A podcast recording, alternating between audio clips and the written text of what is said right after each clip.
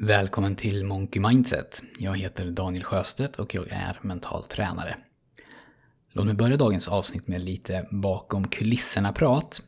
Du får gärna berätta för mig vad du tycker om det. Ska jag göra så här då och då, där jag berättar vad jag gör och hur jag resonerar, eller vill du att jag ska hålla mig till det format som jag vanligtvis gör, vanliga poddar?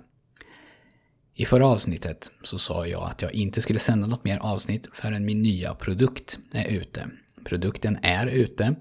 Det är ett mentalt gymkort jag säljer och jag har alltså byggt vad jag kallar för ett mentalt gym. Det är helt online, så man behöver bara en dator och en mobil för att kunna komma igång och träna. Och i mitt mentala gym så har jag samlat mina kurser och mina träningsprogram och vi kommer kontinuerligt att fylla på med mer material. Och jag kommer bland annat att livestreama där inne och vi har ett community och så vidare.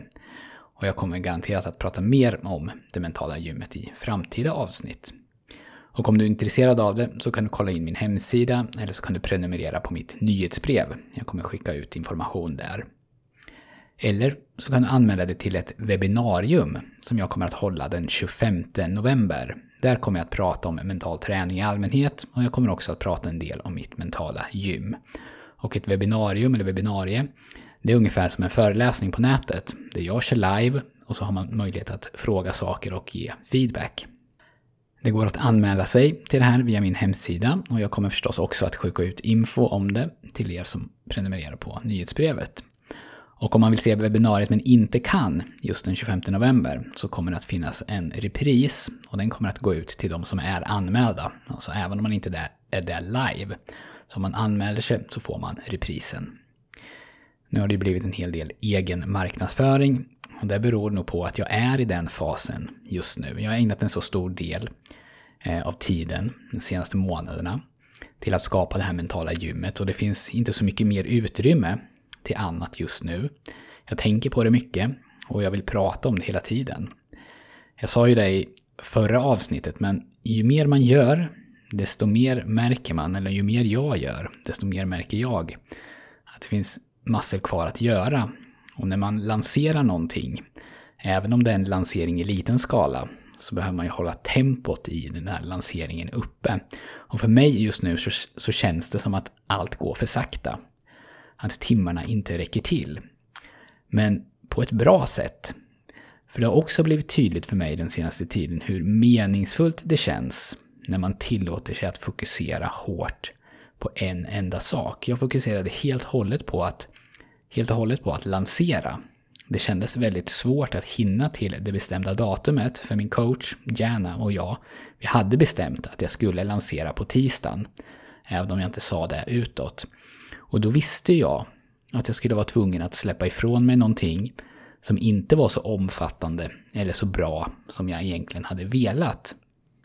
Och det gjorde faktiskt någonting med mig. Det var mycket roligare att gå till jobbet. Det var lättare att hålla mig borta från sånt som jag tycker är tidstjuvar och från sånt som är eh, viktigt men inte absolut nödvändigt. Och jag kände hur mitt sinne lyckades fokusera bättre än annars på vad som behövde göras för att kunna bocka av saker, sånt som alltså behövde vara på plats. Och jag märkte att jag kom mycket snabbare in i flow, till exempel. Det är inte ofta som jag känner mig stressad, men nu så kände jag en hel del stress, fast på ett positivt sätt. Och kanske är det, det har slagit mig nu i efterhand, kanske är det som jag upplevde som positiv stress, det som andra kallar för driv. Men sen i tisdags, när jag lanserade, då gick luften ur mig lite. Det är söndag nu när jag spelar in det här och veckan mellan tisdag och söndag, den har nog inte alls varit lika bra som förra och förrförra veckan produktivitetsmässigt. Det var en hel del saker, det ska jag erkänna, som jag var tvungen att göra förstås, som jag hade försummat när jag fokuserade de här veckorna. Men även det som jag nu planerade att göra blev inte gjort med samma intensitet. Så delvis därför så har jag nu schemalagt det här webbinariet och sagt det högt till er då, att det går live den 25. Jag har inte börjat på det än och jag är inte ens helt säker på att min dator, min gamla eh, Macbook Air, klarar av att driva det här webbinarieverktyget. Så en hel del saker behöver lösas. Jag har sagt till Elin, min fru, att jag behöver minst två generalrepetitioner. En den 23 och en den 24. Där jag kör allt live, så som jag ska göra det den 25 då. men där Elin är den enda tittaren, så jag lär mig lite om hur allt fungerar. Och så ska jag till Örebro på tisdag och lyssna på Lars-Erik Unestål som berättar om sina första 50 år med mental träning. Någonting som jag verkligen ser fram emot. Så nu känns det igen som att tiden inte riktigt räcker till. Och nu har jag gett mig själv en deadline som jag inte bara håller för mig själv utan som jag också berättar för er. Det betyder inte jättemycket för någon av er som anmäler sig till webbinariet, men då typ får ett mail en timme innan om att bli inställt. Men för mig så skulle det kännas lite pinsamt och lite oproffsigt. Och det vill jag ju inte ska hända. Och jag vill ju också att den här föreläsningen, det här webbinariet, ger värde till den som lyssnar på det. Oavsett om den här personen sen köper någonting av mig eller inte. Så jag sätter alltså lite press på mig själv. Och jag gör det för min egen skull. För att tvinga mig själv att jobba fokuserat och för att tvinga mig själv att göra färdigt. Och jag berättar om det här och nu som ett experiment. För en del av mig vill vara som en gammal, den gamla tidens journalist. Det är det enda som visar att det är jag som har gjort någonting, det är min byline i slutet av artikeln eller att jag säger mitt namn i början på podden. Alltså att jag låter materialet helt och hållet stå för sig själv och där jag bara finns i bakgrunden. En annan del vill få ut lite mer av mig i det jag gör, min personlighet.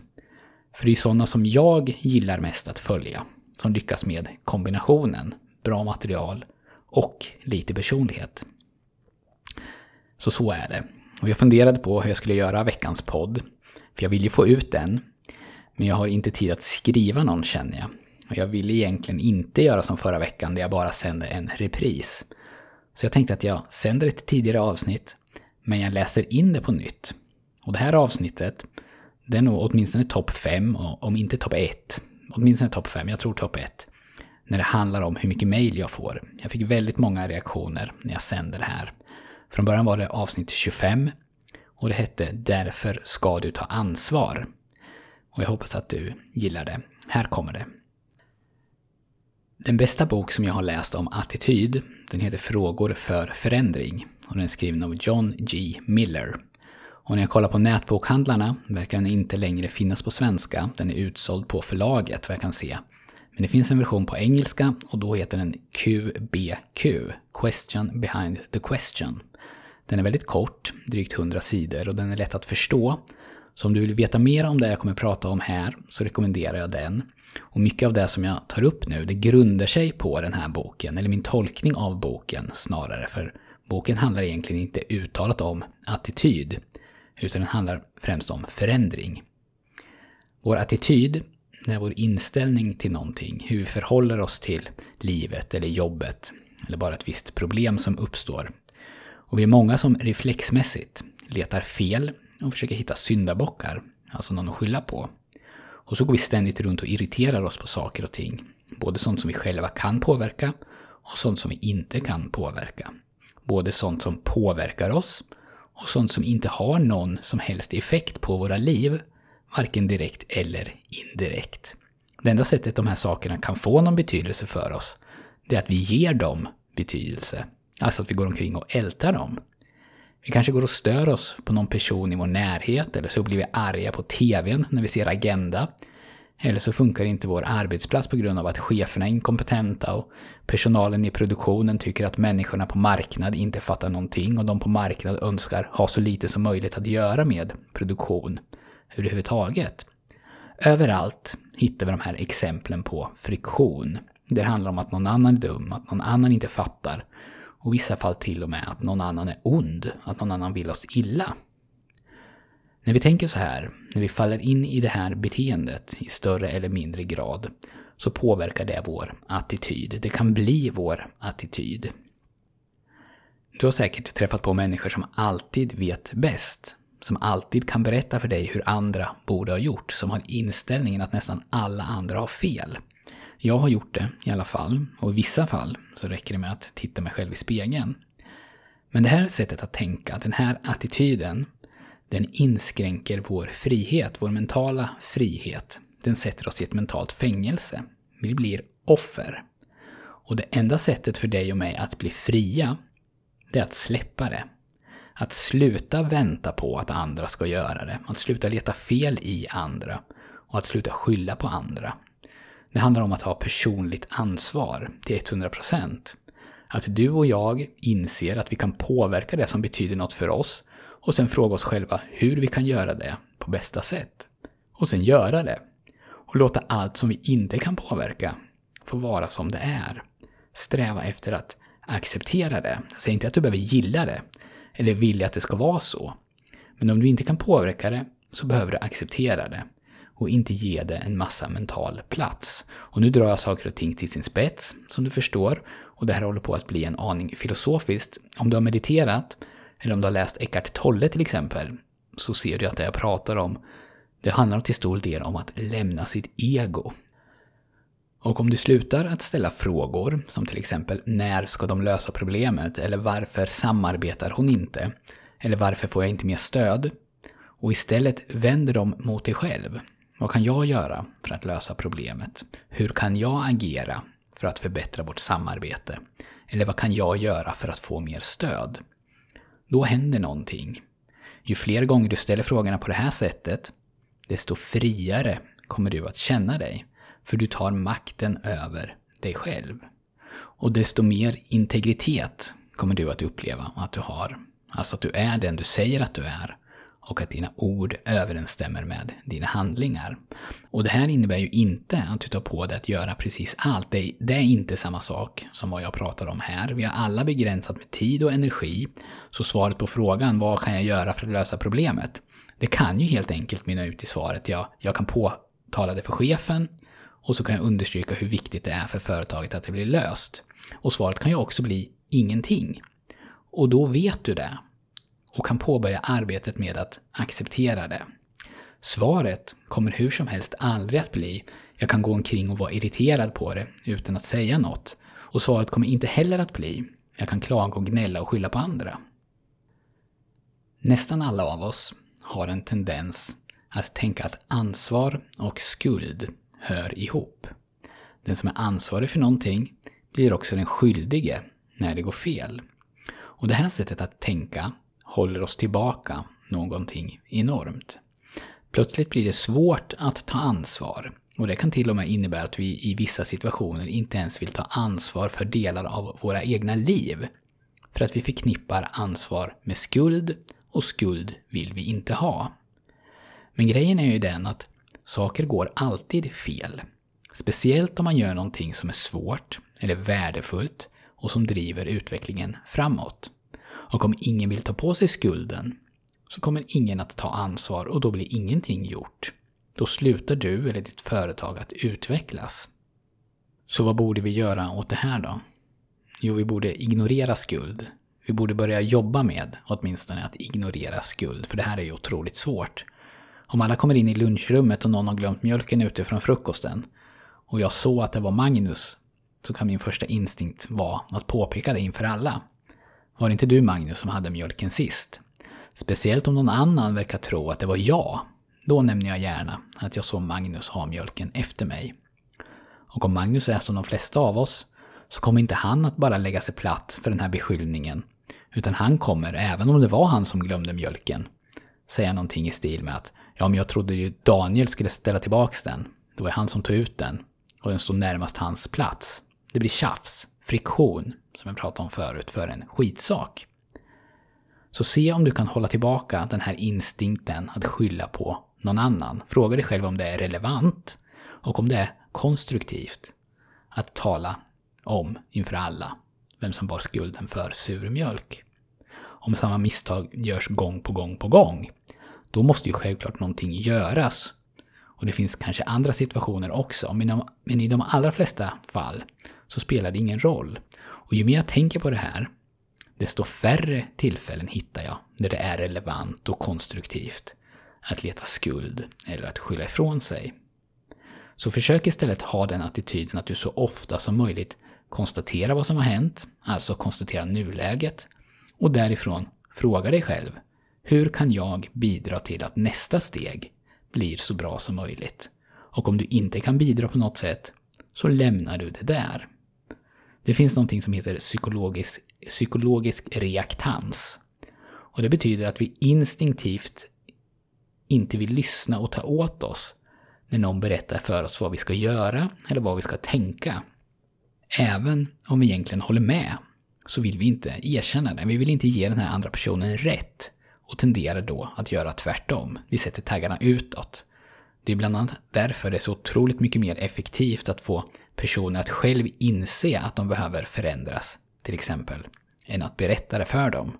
Och om du har barn så har du säkert använt dig av det här fenomenet någon gång. Även om du kanske inte exakt vetat varför. Om barnen vägrar ta på sig ytterkläderna så kan det ofta räcka med att bara säga nu vill jag absolut inte att du går ut i hallen och klär på dig. Du får inte gå ut i hallen och klä på dig. Då kommer barnen i vissa fall med glädje att klä på sig. Och bara för att du inte berättar för någon att de har gjort ett misstag så behöver inte det betyda att de inte vet om det själva eller att de inte kommer försöka göra det bättre nästa gång.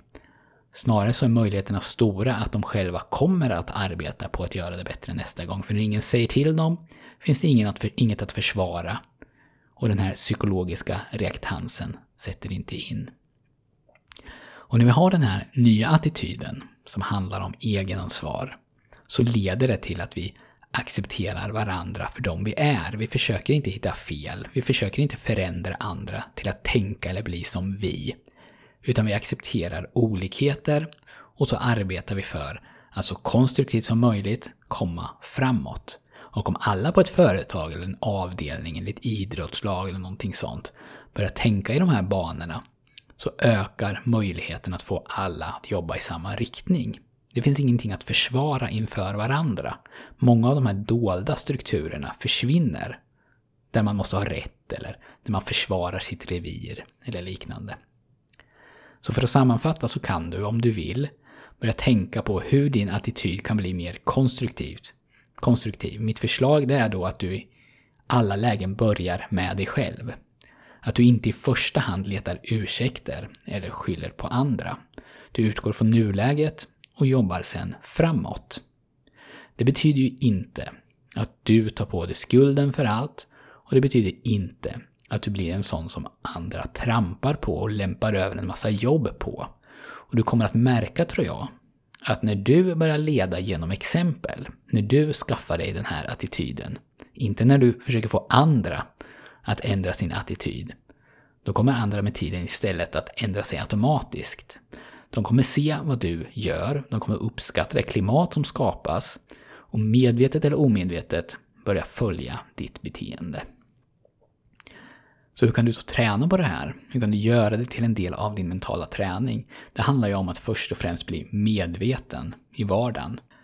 Och det bästa sätt jag vet, det är att då i efterhand börja skriva ner tillfällen där du med lite perspektiv inser att du reagerade instinktivt och försökte hitta ursäkter eller skylla ifrån dig. Skriv ner fem saker varje kväll, eller en sak. Och det kan handla om precis allt. Det kan handla om ett försenat projekt på jobbet och det kan handla om att makaronerna kokar över och du instinktivt säger “Vem har satt på TVn så högt? Jag hör ju inte när makaronerna kokar”. Om du först identifierar de här situationerna i efterhand så kommer du efter ett tag att kunna bli medveten om dem även i stunden och det är då du kan börja förändras. Om du oftare kan bli medveten om dina tankar och se på dina tankar istället för att vara dina tankar så har du tagit ett stort steg i din personliga utveckling. Det var allt jag hade för den här gången. Prenumerera gärna på mitt nyhetsbrev, anmäl dig till webbinariet och information om det här finns på monkeymindset.se. Ta hand om dig själv, ta hand om dina kära och jag hoppas att du får en bra vecka. Hej då!